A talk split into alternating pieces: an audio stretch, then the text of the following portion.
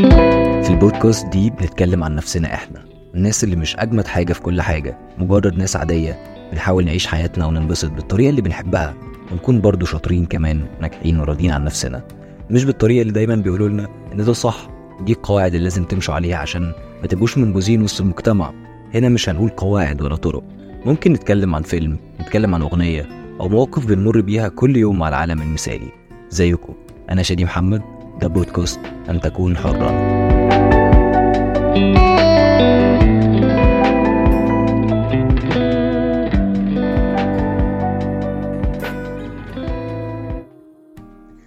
صباح الخير أو مساء الخير على حسب التوقيت اللي بتسمع فيه البودكاست دي دلوقتي. يا جماعة لو حد قدامه شغل يقول لي الجملة دي بنسمعها كتير قوي من ناس حوالينا أو بيبعتوها لنا على السوشيال ميديا أو بيكتبوها حتى من من خمس دقايق بالظبط شفت حد كاتب post بيسأل هي الناس بتشتغل إزاي؟ أو بيدوروا فين؟ أو بيقدموا الشغل ده إزاي؟ فواضح إن في قطاع كبير قوي من الناس بيكون عندهم نفس المشكلة دي أو نفس التساؤل ده. وأنا هنا عاوز أتكلم عن ده مش بأبعاد سياسية تماما. موضوع السياسة دي ليها ناسها أكيد. البودكاست دي اسمها أن تكون حرا. فأكيد موضوع الحرية المالية أو الشغل ده ولو عندنا مشكلة معاه مش عارفين نفكر كويس أو نخلق لنفسنا فرص شغل تحقق لنا الحرية دي فده أصبح موضوع البودكاست ونقدر ندردش فيه براحتنا. فخلونا نقول ليه أصلا السؤال ده مهم إن إحنا نتكلم عنه لأن اللي بيسأل عن فرصة شغل بالطريقة دي ممكن آه يكون مثلا طالب في الكلية وفي وقت أجازاته بيحاول يشوف أي شغل يسلي نفسه بيه. أو يحقق له أي دخل بدل الوقت الفاضي. لكن الطالب ده بكرة هيكون الدكتور بتاع المستقبل أو المهندس أو حتى صاحب عمل. فإحنا محتاجين نتكلم عن البيزنس بشكل عام وعن حاجات كتير نحاول نفهمها. لأن لو الطالب ده بيفكر كده دلوقتي فده غالبا هيعمل له فيما بعد مشكلة لما يجي يشتغل في تخصصه أو في الحاجات اللي هيختار إنه يخليها ال career بتاعه أو شغله الدائم يعني. وموضوع الحلقة مش موجه بس للطلبة اللي بتدور على شغل لا كمان حتى أصحاب الشغل أو اللي بيفكر إنه يبدأ business أو عمل يعني جديد ممكن كمان يستفيد من الدردشة اللي إحنا هندردشها دلوقتي. طيب فين بقى المشكلة اللي أنت شايفها موجودة في شخص بيدور على شغل أصلا؟ وكلامنا في المشكلة دي ممكن يفيد أصحاب الشغل إزاي أو الناس اللي عندها business بالفعل يعني. ماشي. تعالوا نبدأ الأول بتحديد المشكلة. أنا بشوف إن إحنا من الأساس بيتم تربيتنا أو تغذية مخنا بفكرة معينة بشكل معين كده إن الحياة ليها طريقين نقدر نختار من ضمنهم طريق نمشي عليه. أول اختيار إنك لو ذاكرت كويس جدا وبقيت دحيح وشاطر وجبت مجموع بقى كلية قمة فأنت من اللحظة اللي سمعت فيها مجموعك في الثانوية العامة ده بتحس إنك خلاص كده بشكل ما مستقبلك اتحدد وعرفت هتعمل إيه بقى في الباقي من عمرك. باقي بس شوية مذاكرة كمان في الكلية وخلاص بعدها انت هتبقى محاسب مثلا هتشوف بنك تشتغل فيه أو ايا كان تخصصك يعني. فأنت على حسب الظروف هتوديك فين بتخصصك ده. ولو اشتغلت في أيام بقى الأجازات فأنت كده بيرفكت يا سلام بقى كورس كده ولا اتنين ولا شهادة فأنت كده عملت اللي عليك وعملت أكتر من اللي عليك كمان. وفي بقى الطريق التاني بيقولوا إن الطريق التاني ده أصعب بقى حبتين. بينطوي عليه مخاطرات كتيرة ومجهود أكبر. هو إنك من البداية تختار الحياة العملية. إنك برضو تشتغل في شغلانة ما كده. وبعدين لو أنت بقى شخص طموح تبدأ شغلك في المجال ده بقى لحسابك. تبدأ تعمل اللازم زي الأماكن اللي أنت اشتغلت فيها أو زي ما اتعلمت من مجال شغلك ده. لو هو مطعم مثلا تبدأ تجيب المعدات تجيب كاشير تحط ال rules أو القواعد بتاعة المطعم بتاعك. وتقول بقى الباقي بتاع ربنا والرزق على الله. طيب يا شادي كل اللي انت بتقوله ده بديهيات ومسلمات. فين برضو المشكلة بالتحديد؟ مش واخدين بالنا قوي. طيب هو أنا لسه هتكلم بالتفاصيل أكتر بس لازم نكون متفقين من دلوقتي على مفهوم إن في مشكلة فعلا في الكلام اللي أنا قلته ده. وكون إن الناس مش شايفاها فدي مشكلة أصلا. لأن كل البديهيات والمسلمات اللي إحنا عايشين فيها دلوقتي دي ما بتوديناش لأي حتة ما بتوديناش لأي حتة غير دكاترة ومهندسين وخريجي جميع الكليات وأصحاب أعمال عايشين حاليا في حلم السفر لأي دولة ومفيش قدامهم أي حلول. هتقولي عشان المشكلة مش فينا المشكلة في اقتصاد دولة. هقول لك طب ما كتير جدا دول اقتصادها أسوأ والناس جواها عندها حلول وعندها مرونة أفضل مننا في إدارة الأزمات. مش هقول الدولة ملناش دعوة بيه أنا بتكلم عن أزماتنا أزماتنا إحنا اللي بتنعكس عليها ظروف الدولة دي. أنا أقصد إن إحنا بنحل مشاكلنا إحنا. ففي دول ناس الناس عندها مرونة في إدارة الأزمات. مش أول حل بيكون عندهم هو الهروب من البلد واستغلال مفهوم فرق العملة في بلد تاني. موضوع فرق العملة هيقدر يظبط لك حياتك شوية. لكن أنت في أي مكان تاني غير بلدك دايما دايما عندك ليميتس للنجاح عندك حدود. حدود للنجاح تقدر توصله لكونك مش مواطن في البلد دي. وكمان بتكون عايش كمغترب يعمل مش كمواطن ينجح. فالمشكلة اللي أنا بشير ليها حاليا بتتلخص في مفهوم عندنا إحنا كمصريين اسمه إحنا كده خلاص عملنا اللي علينا ومستنيين المستقبل بقى يدينا المقابل. مفهوم انتظار المقابل دايما من المجهول أو من البلد. والله أنت هتبقى كويس أنت بس ركز تبقى مهندس أو دكتور وبعدين حياتك هتبقى أحسن. هتبقى أحسن إزاي؟ محدش بيقول أبدا. يعني محدش بي- بيقول أبدا بيقول له أبدا هتبقى أحسن إزاي بقى؟ الخطوات والحاجات دي. هو أنت هتبقى حياتك هتبقى أحسن. اعمل اللي عليك وذاكر كويس الدنيا هتبقى جميلة. في العايم بقى كده الدنيا هتبقى جميلة. اللي هو أنا مش لاقي شغل عشان البلد مش بتشغلني. ظروفي المادية مش قد كده عشان المرتبات في البلد مش أحسن حاجة. يعني حتى تلاقي الناس قاعدين قدام التلفزيون بيتفرجوا على الأخبار ومراقبين موضوع الدعم ويقولوا أصل الدعم قل أصل الدعم اتشال. حاسين وحاسين بالحزن وعدم الأمان. أنا مش جاي أتكلم عن المفروض إيه اللي يحصل البلد تعمل لنا إيه. أنا جاي أتكلم عن الواقع اللي إحنا المفروض نتعامل معاه. الموضوع إن إحنا دايما بنزعل من البلد. بنزعل منها بجد كأن البلد دي أبونا مثلا. ووعدنا إن هو هيخلي هيخلي باله مننا. ولو هو ما عملش كده لو هو ما عملش كده نهرب بقى ونسيب له البيت اللي هو نسيب البلد يعني. الفكرة إن محدش وعدنا بحاجة بجد.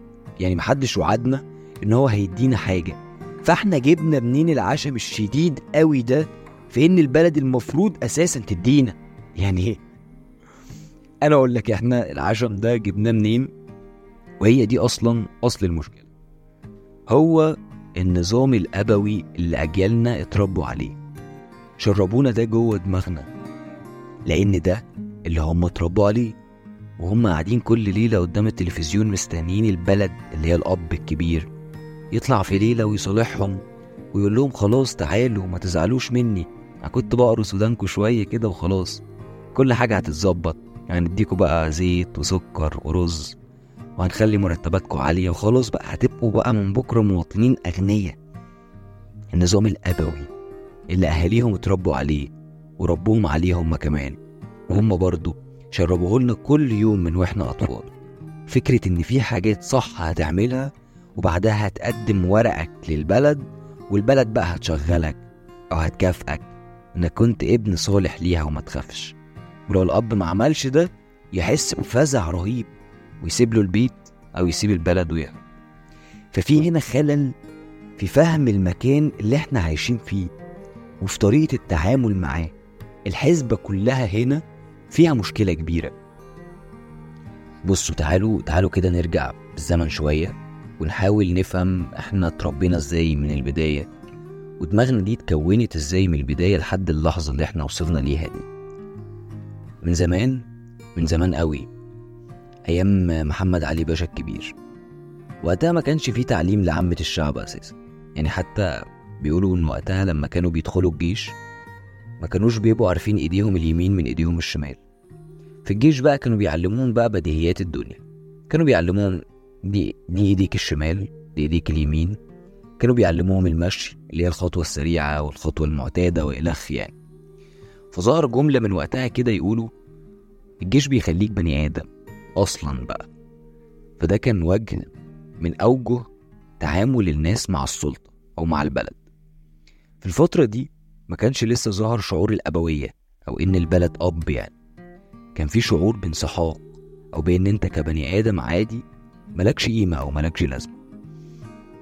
يعني حتى كان محمد علي باشا لو أنت كمصري لو هتلتحق بالجيش اللي هيخليك بني آدم كان دايما بيكون كل جزء أو مجموعة من الجنود المصريين بيكون عليهم حرس من الأتراك عشان أصلا يكون واخد باله منهم هم نفسهم. عاوز يحسسهم إن أنا سيدك. أنت مش جزء من صناعة القرار أو حتى من حماية صناعة القرار. لا إحنا متحفزين منك أنت شخصيا ومستعدين نضربك بالجزم على دماغك في أي لحظة. عدى الوقت ومشي المحتل وبقى موجود محتل تاني بس مصري. ففضلت انت كبني آدم عادي حاسس إنك مش ابن لهذه البلد. ممكن كان الشعور وقتها إنك ابن الشغال عشية البلد مثلا. لحد فين بقى؟ لحد ما حصلت حاجة اسمها ثورة 23 يوليو. وجي الجيش انقلب على الحكم الملكي ده وظهر الأب الكبير بقى. الأب الكبير اللي بدأ يغرس جوه أهالينا شعور الأبوية اللي تورث لينا فيما بعد. وأحكي لك إزاي. بعد الجيش ما قال للحكم الملكي شكرا مع السلامة bye bye ظهر الرئيس محمد نجيب. وقال للناس بصوا يا جماعة الحكم الجاي في مصر هيبقى ديمقراطي. يعني إيه ديمقراطي؟ يعني أنت كبني آدم في البلد دي بعد ما كان ال lifestyle بتاع حياتك إنك بتشتغل عند الباشا في القصور بتاعته أو الأراضي بتاعته ممكن تتضرب بالكرباج عادي في الجنينة. لا ده أنت خلاص كده. تقدر تشارك في صناعة القرار أو أي حاجة هتتم في البلد دي هناخد رأيك فيها باستفتاء مثلا. ولو في شيء مش عاجب الناس والله تقدروا بقى تعملوا تظاهر جميل كده ماسكين يافطة أو لوحة مكتوب عليها اللي أنتوا عاوزين تقولوا. وإحنا فورا ننظر في رأيكم ونتناقش فيه. فأنت مدرك أنت مدرك يا ريس أنت بتاخدنا من إيه لإيه؟ بعد ما كنت بتضرب بالكرباج وحاسس إن أنا ابن الشغالة أنا كبني آدم عادي ممكن يبقى ليا رأي وأبقى يعتبر كمان يعني أنا ممكن أبقى يعتبر زي رئيس الجمهورية. الناس كانت فرحانة قوي ومش مصدقة نفسها إن خلاص ده فعلا يعني هيحصل. لحد ما ظهر الشعور النقيض تماما وظهر جمال عبد الناصر. وقال بصوا إحنا الكلام ده ما ينفعناش.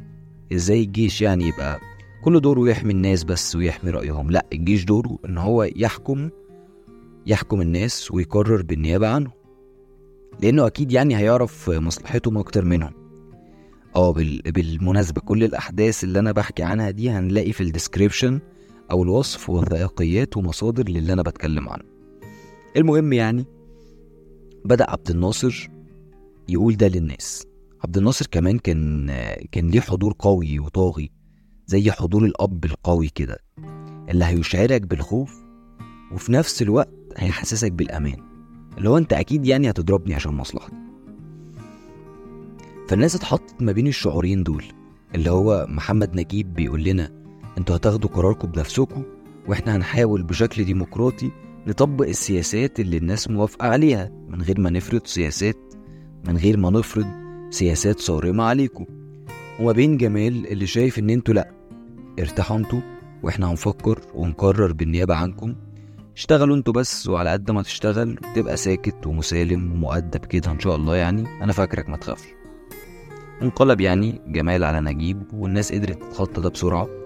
اللي هو ماشي نجيب يعني كان طيب وابن ناس. عاوزنا نقول رأينا بس جمال أب هيحسسنا بالأمان أكتر مش مشكلة يعني. وبدأ جمال عبد الناصر يمارس هذه الأبوة على الناس بشكل كبير. كمان جمال كان عنده أفكار اشتراكية. يعني واضح من اسمها يعني إن جميع أفراد ومؤسسات الدولة مشتركة في هذه البلد. بس ما كانش بيطبق ده بنظام ديمقراطي كانوا بي... كان بيطبقه بنظام الأب اللي عارف مصلحتك فيه.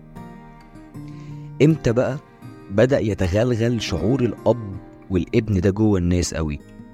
لما جمال عبد الناصر عمل موضوع زي تأميم قناة السويس مثلا وفي الخطاب بتاعه كان كان كان حضوره طاغي جدا حضور الأب القوي اللي جاب لك حقك وكتب باسم بلدك كتب يعني حاجة باسم بلدك وباسم بيتك.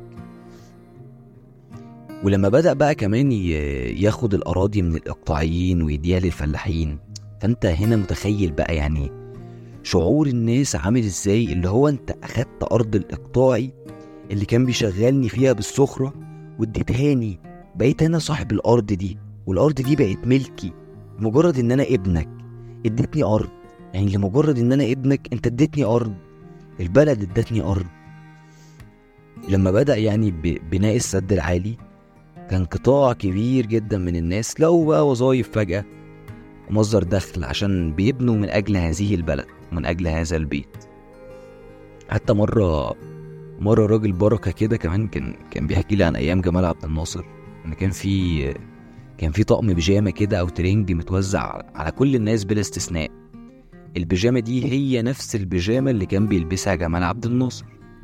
فلك أن تتخيل يا مؤمن إن جمال عبد الناصر كان بيبقى قاعد مثلا في بيته الساعة 8 بالليل لابس بيجامة والشعب كله لابس نفس البيجامة. انت مدرك الصورة عاملة إزاي؟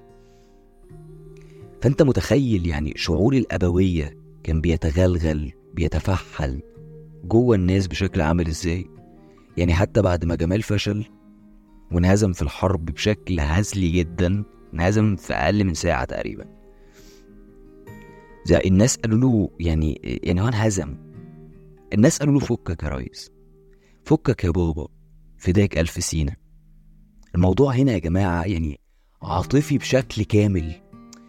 إحنا إيه يعني إحنا في حرب وفي هزيمة ساحقة حدثت بين الجيش أو من ال أو من ال النظام الحاكم بشكل غير مدروس بالمرة. وإحنا كأننا قاعدين على السفرة في البيت بنطبطب على بابانا وبنقول له ولا يهمك.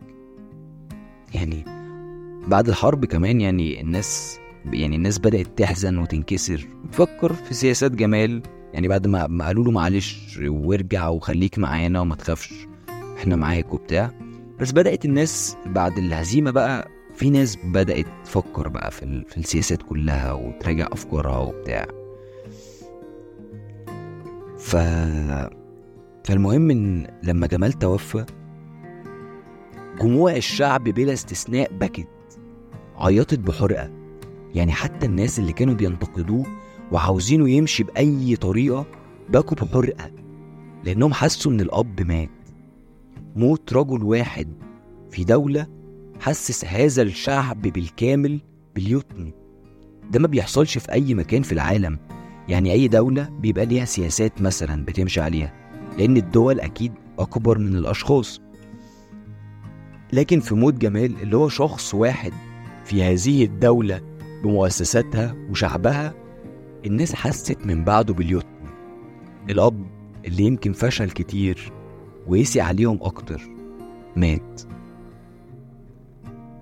بعد جمال يعني جه بقى الرئيس محمد أنور السادات غير بقى كل اللعبة دي وكل القواعد دي وكل القوانين دي تماما. بس أهالينا للأسف سقطوا بقى في الحفرة دي وما فهموش التغيير الجذري اللي حصل واللي بدأ يحصل. حصلت فجوة في دماغ الناس كده اللي هم أهالينا وأهلي وأهلك. فضلوا قاعدين هناك في الشعور اللي كان جمال حاسسه لهم ونظام الأبوية اللي هم كانوا عايشين فيه. اللي حصل إن بعد حرب 73 السادات خلاص عمل معاهدة سلام بدأ ينفتح على العالم ويعمل حاجة اسمها تطبيع. وهتبدأ بقى بلدك تلتحم وتصطدم بشكل كبير وضخم مع العالم. ده ما كانش موجود قبل كده تماما. يعني كون إني هفتح الباب لشركات ضخمة زي كوكاكولا وبيبسي وإلخ إنها تنزل وتشتغل وتوفر فرص عمل للناس وتقبضهم زي ما هي تقرر وتفرض عليهم القوانين بتاعتها زي ما هي عاوزة ويبدأوا بقى يلعبوا لعبة الرأسمالية. اللي هو إحنا ننشر في المجتمع عدد لا محدود من الشركات وكل واحد بقى ينزل بفلوسه يحط القوانين اللي يحبها ويحاول بقى يقلل في المرتبات عشان يحاول يقدم منتج أفضل بسعر أقل. يعني هي دي فكرة الرأسمالية عموما والاشتراكية الحاجات دي ممكن نعمل سيرش عنها ونفهم التفاصيل دي أكتر. أو ممكن نتكلم عنها بعدين في حلقة تانية. المهم يعني إن الدنيا كانت اتفتحت تماما بشكل غير مسبوق في مصر. تشتغل بقى زي ما تشتغل المهم إنك في الآخر تديني ضرايبي تدي البلد حقها. أنا مش أبوك إحنا نمشيها بقى مصلحة.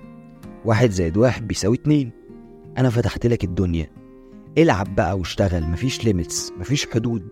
اكسب زي ما تكسب واديني حق. والله بقى تستورد مواد خام وتبدأ تصنع منتج خاص بيك. مفيش مشكلة. تبدأ تصنع منتج خام وتصدره برضه مفيش مشكلة. تاخد توكيل علامة تجارية أجنبية وتكسب منها هنا مفيش مشكلة. زمان ده ما كانش متاح تماما. كان في ليميتس لكل شيء وما كانش في شيء محكوم. فأنا كبلد كنت بديلك زمان كنت بديلك وبوفر لك شغل. ايا كانت مهنتك إيه أو تخصصك إيه كنا اشتراكيين. وكان في مشاريع بنعملها للدولة وك... يعني كان في حاجات كتير هتقدر تشتغل كنا هقدر أجيبك وأشغلك وأقدر أديك. لكن ده خلاص مش موجود تماما ما تستناش مني أي حاجة. ابدأ شوف هتلعب بأي طريقة والعب واشتغل. للأسف أهلي وأهالي كتير وناس كتير من أجيال جمال وما قبله ما فهموش ده. ما شافوش الخريطة وهي بتتغير وما لمسوش التغيير ده. فضلوا عايشين من جواهم هم بس جواهم هم بس بنظام الأبوية وبيربونا عليها. والبلد خلاص البلد خلاص مش اشتراكية مش ماشية بالأسلوب ده. يعني الطالب بيفضل يتقال له أنت بس تجيب 100% في ثانوية عامة مهم مهمتك كده انتهت. فما يفكرش في أي حاجة غير إنه يعمل المطلوب منه اللي هو المذاكرة. ما عندوش بقى خطط حقيقية مدروسة للجاي بعد ده. ما عندوش خطة واتنين وتلاتة. هو بس بيذاكر وعارف إنه هياخد المكافأة الكبيرة من البلد. وهكذا بقى المهندس حتى الصنايعي يتربى على المفهوم ده. يعني زمان كانت الدنيا على قد مع الصنايعي كانت الدنيا على يعني كانت الدنيا على قد. ممكن يشتغل في مشاريع الدولة. والتموين ومصادر كتير كانت بتساعده وبتسند معاه يعني ويفضل عايش في أمان والدنيا حلوة. مع الوقت الرأسمالية بتتفحل. ده الطبيعي. وتبدأ الشركات ورأس المال تكبر أكتر وأكتر وأكتر. وتزيد بوجود الشركات دي تزيد بوجود الشركات دي احتياجاتك أصلا والتزاماتك. لأن خلي بالك زمان برضو التزامات واحتياجات الناس كانت أقل. الناس ما كانتش عاوزة تجيب آي- آيفون مثلا. ما كانتش عاوزة تغير الشاشة من 50 بوصة ل 65 بوصة كانش فيه الكلام ده. تبدأ بقى بدأت بقى ال- ال- الرأسمالية تكبر أكتر وأكتر وأكتر. الدكتور يطلع يلاقي الشركات هي اللي بتأسس أصلا المستشفيات والعيادات وبتخلق بدايل لكل شيء. تيجي تشتغل في الحكومة تلاقي المرتبات مش قد كده قصاد الالتزامات اللي بقت بتكتر بمرور الوقت. في حين إنك لو أدركت هي ماشية إزاي كنت هتبقى شايف الصورة الأوسع. هتحاول بقى تكون جزء من الإنتاج مش هتبقى صغير في مواجهة هذا العالم الرأسمالي وتضيع عمرك مستني الدنيا تضحك لك. يعني ما كنتش في اجازاتك في الكلية هتقول يا جماعة اللي قدامه شغل يقول لي وتروح مثلا تشتغل في أي شركة من اللي بتحاول بقى تقدم للعميل أفضل جودة بأقل سعر وهي بقى بتعمل ده بسبب المرتبات التعبانة اللي بتديها لك أنت شخصيا. هي اللعبة كده. طيب يا شادي أنا أنا حاسس إن أنا تهت منك شوية كده و... مش عارف بالظبط أنا المفروض أعمل إيه أصلا. فطيب تعالوا بقى نتكلم عن ال- ال- الحاضر والمفروض بقى نبدأ نتعامل معاه إزاي؟ بص تعالى كده نت- نتدرج بالموضوع ونتكلم فيه من أول طريقة تربية الولد الصغير للطالب لصاحب العمل اللي بالفعل خلاص بدأ يشتغل أو لسه بيحاول. مبدئيا كده بالنسبة للطفل نحاول بقى نشيل من حياتنا وتربيتنا لاولادنا مفاهيم أنت لازم تجيب كلية كذا عشان هي اللي هتخليك بني آدم والموضوع ده بغض النظر بقى هو حابب يكون في الكلية دي أو لأ. لأن صدقني الموضوع ما بقاش يمشي كده تماما.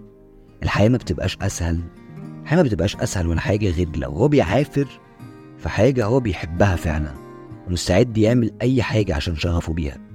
ولأن الشخص بالفعل لو بيحب الشيء اللي بيمتهنه أو بيعمل فيه ده فهو مستعد ينحت في الصخر عشان يوصل بشغفه ده للسماء. فاحنا محتاجين نبطل نزرع جوه دماغ أولادنا طرق بعينها ونحط قدام عينيهم حاجات ونقول لهم إن هو ده الأمان.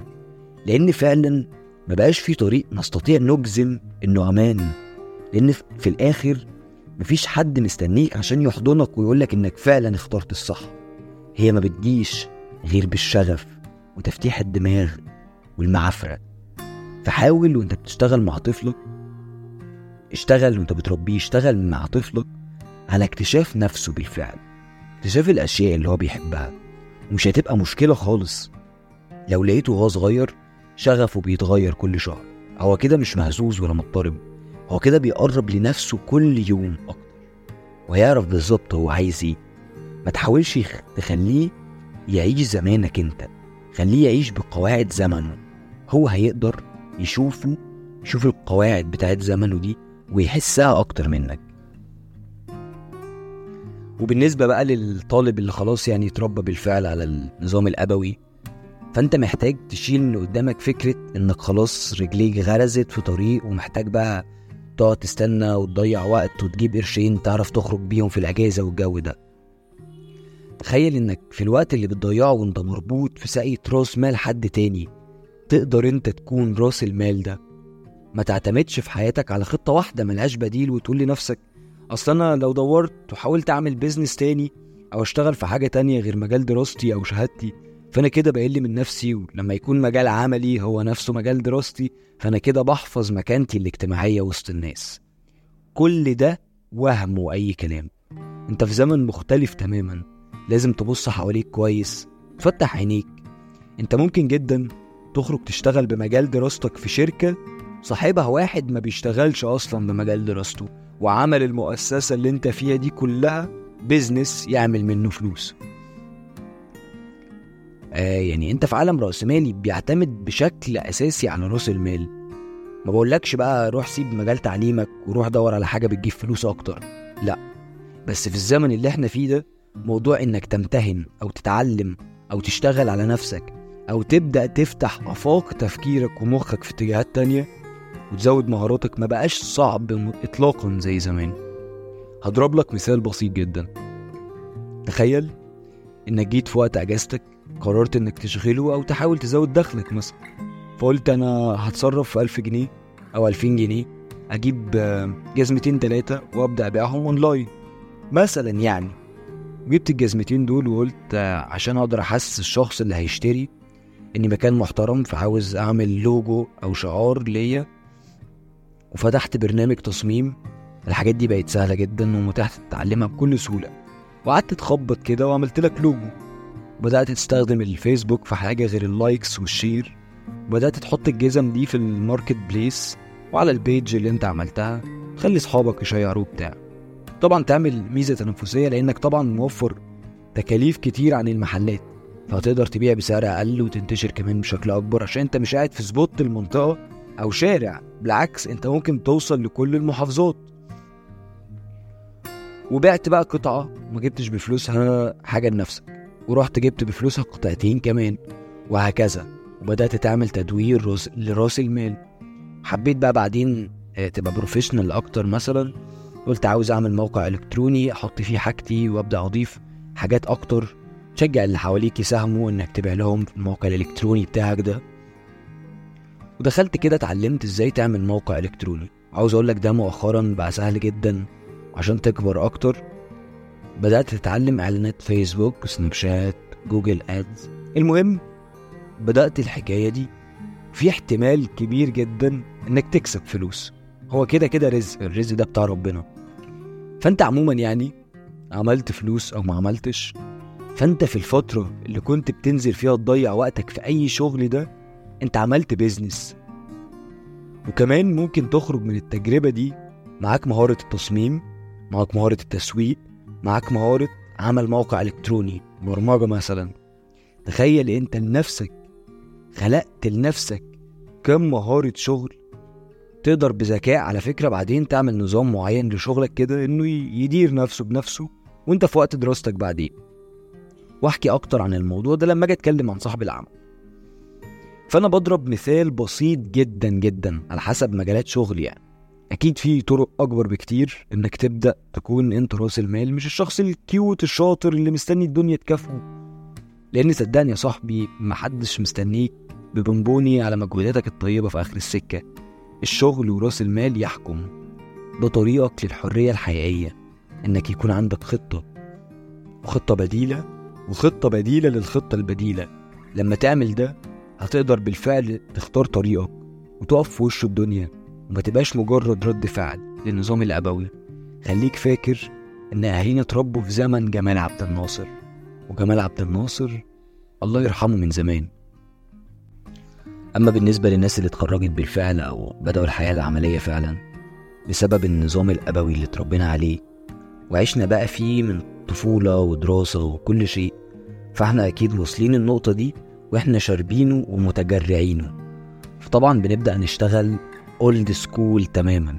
دكتور مثلا بيفتح عيادة ويقعد يستنى بقى ال patients أو العيانين يقعد بقى يبني سمعة من عيان يجيب في عيان ونقعد سنين نبني في هذه السمعة ونبقى ما بين المستشفى والعيادة. لحد ما جات الرأسمالية بشيء على سبيل المثال مثلا زي فيزيتا دي. وعلمت جميع القطاع الطبي اللي اتربى على النظام الأبوي الشغل بيبقى إزاي والعيانين بنقدر نجيبهم إزاي.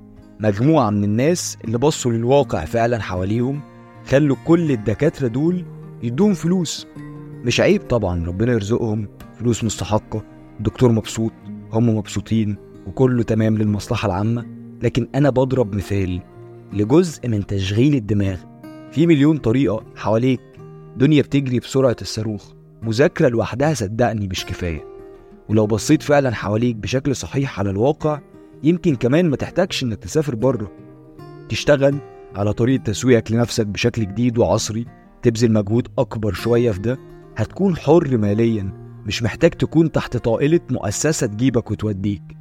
ده مثال يمكن يكون مش دقيق قوي انت أكيد أضرب مجالك عني. بس أنا بحاول اقولك إن الفكرة محتاجة بصة أوسع على الواقع. هتلاقي اللعبة متغيرة آه لكن سهلة. الناس بقى اللي عندها محلات أو شركات محلية يعني أو مطعم مثلا بنتعامل إزاي في بلدنا هنا؟ إني خلاص جبت القرشين تحوشت العمر جبت البضاعة جهزت كل التجهيزات المطلوبة وأقعد بقى أستنى الزبون. كفاية إن راجل دارس السوق بتاعي وعارف هكسب كام في إيه والجو ده. وبنبدأ بقى نشوف طريقة تعامل أصحاب العمل مع الشغل كلها كبرياء وشخصنة للأمور بشكل كبير جدا. ما هو ده برضه ورث من تاريخنا القديم إن صاحب المحل أو صاحب التجارة ده حاجة كبيرة جدا. آه ما أنا صاحب شغل خلاص مش موظف ولا عامل ولا حد من الناس العامة يعني. بتلاقي كبرياء المحل المصري في حاجة زي يافطة مثلا بتلاقيها في محلات كتير. البضاعة المباعة لا ترد ولا تستبدل ومواقف بقى تتعرض لها زي ده اللي عندي يا أستاذ مش عاجبك اشتري من مكان تاني؟ آه طبعا أنت صاحب عمل بقى أو صاحب محل أو صاحب شركة.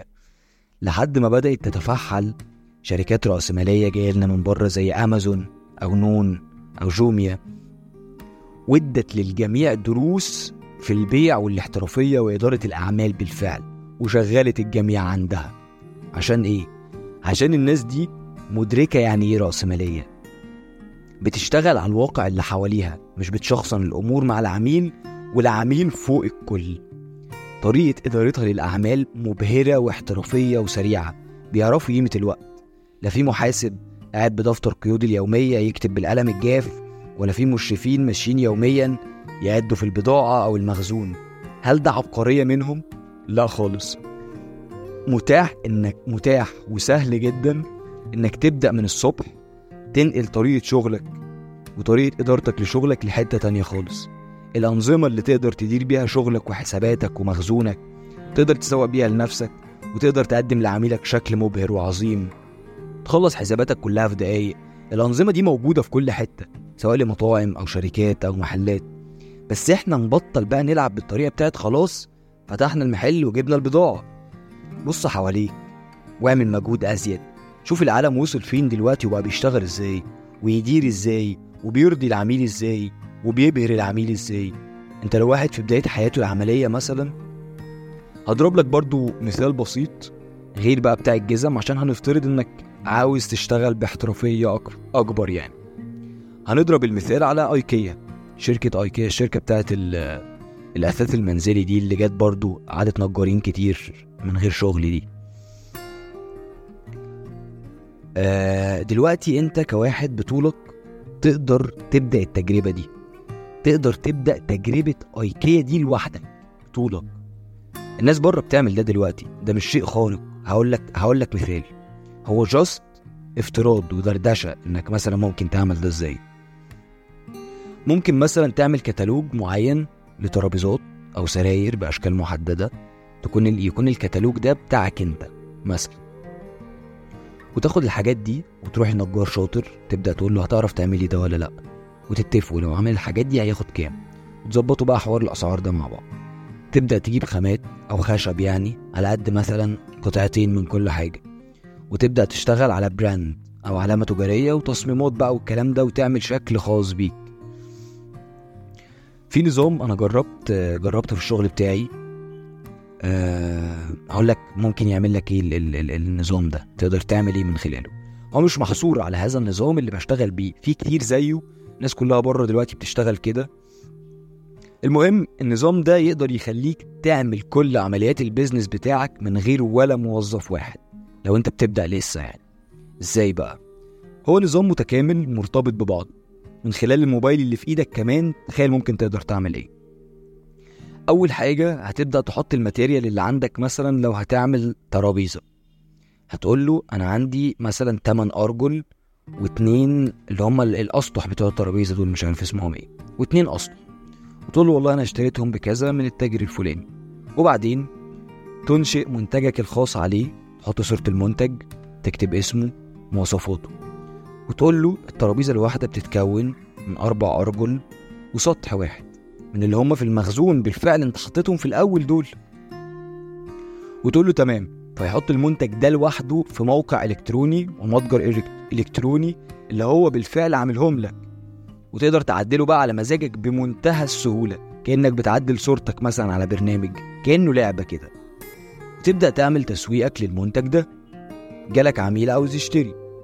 فأنت محدد له ميعاد يستلم فيه من خلال برضه نظامك بعد أسبوع مثلا. شفت طلب العميل تخش على حاجة في نظامك ده اسمها التصنيع وتعمل أمر تصنيع ترابيزة. تيجي رسالة للنجار اللي أنت عامل له اكونت أو حساب إنه مطلوب منه إنه يصنع ترابيزة. فالنجار بيقول تمام موافق. بيفتح له شاشة للطريقة اللي هيصنع بيها الترابيزة بالمعايير بتاعتك. فيعمل الترابيزة ال- بالمعايير اللي نظامك حددها له بعدين بيدوس إنه خلص الترابيزة. بيفتح له كاميرا ويقول له بص بيقول للنجار أنت هتصور لي الترابيزة من الحتة الفلانية للحتة الفلانية عشان أنت بقى تراجع جودة ترابيز- ترابيزتك وتشوف بتنطبق لمعاييرك ولا لأ. لو انطبقت لمعاييرك بتعتمد أنت أمر التصنيع ده فبيضيف في مخزونك ترابيزة متاحة وبيخصم بقى من الماتيريال اللي هم بيخصم أربع أرجل وسطح ترابيزة وبيبدأ ينشئ تقارير الحسابات مع نفسه والتكلفة وهكذا ويطلع لك بقى تقارير كاملة لكل حاجة. تخيل ده كله ممكن يتم في قد إيه؟ في ساعة واحدة. وكمان النظام بيشمل بقى خدمة عملاء تقدر توفرها لعميلك وربط بقى بشركات الشحن وحاجات تانية كتير. أنا بديلك مثال يمكن مش دقيق قوي برضو لأننا مش بنتكلم عن مشروع محدد بتفاصيله بس بحاول أقولك الناس بقت بتعمل إيه في ساعة وبأقل التكاليف الممكنة. وإحنا لسه بنقول للزبون البضاعة المباعة لا ترد ولا تستبدل اشتغل على نفسك. بص حواليك على العالم. الحياة بقت صعبة لكن صدقني لذيذة قوي لو تحررت من قيود الانتظار. ونظام الأبوية. فتح عينك. بص حواليك وشوف الواقع والدنيا بتتحرك إزاي. وقف اشتغل على نفسك أكتر. وصدقني هتعرف تنجو. هتلاقي حلول ألذ وأمتع ومربحة أكتر. هتلاقي نفسك بتبدأ تتعلم وبتنتج ويمكن كمان تبدأ تصدر منتجك بره مصر. تشتغل بمهارتك وانت في بيتك وتقبض بالدولار. وانت كمان منتج مصري. كمنتج مصري هتقدم ميزة تنافسية في السعر بش... بشكل مهول ل- لبره يعني. بدل ما تروح تغسل لهم صحون أو تتعامل كمغترب ليه ما تبقاش شخص منتج؟ تفيد نفسك يا عم أولا وتفيد بلدك ثانيا. تخيل إحنا بدأنا ننتج القلم الرصاص من سنتين تلاتة تقريبا. تخيل كم الفرص والأشياء اللي ممكن تبدأ تشتغل عليها وتنتجها وتشحنها كمان بره مصر بدل ما تروح تغسل لهم صحون. الحلقة النهاردة خلصت. ويا رب أكون مرخمتش على حد. أنا بحاول أدردش مع أصحابي وأفك عن نفسي. يمكن نعرف نلاقي حلول سوا. وننجو ونرجع أحرار وأهدى. ونستقر ذهنيا. ونعرف بقى نلعب صح. ونرجع أسياد العالم بدل ما نتربط في ساقيته. الاتنين تلاتة اللي بيسمعوني اعمل فولو أو ابعتها لحد صاحبك لأن ده بيساعد يعني إن البودكاست يظهر أفضل. كمان تديني شعور إنك موجود عشان نحاول ننجز في حلقة كمان ومفقدش الشغف. أنا شادي محمد وده بودكاست أن تكون حرا.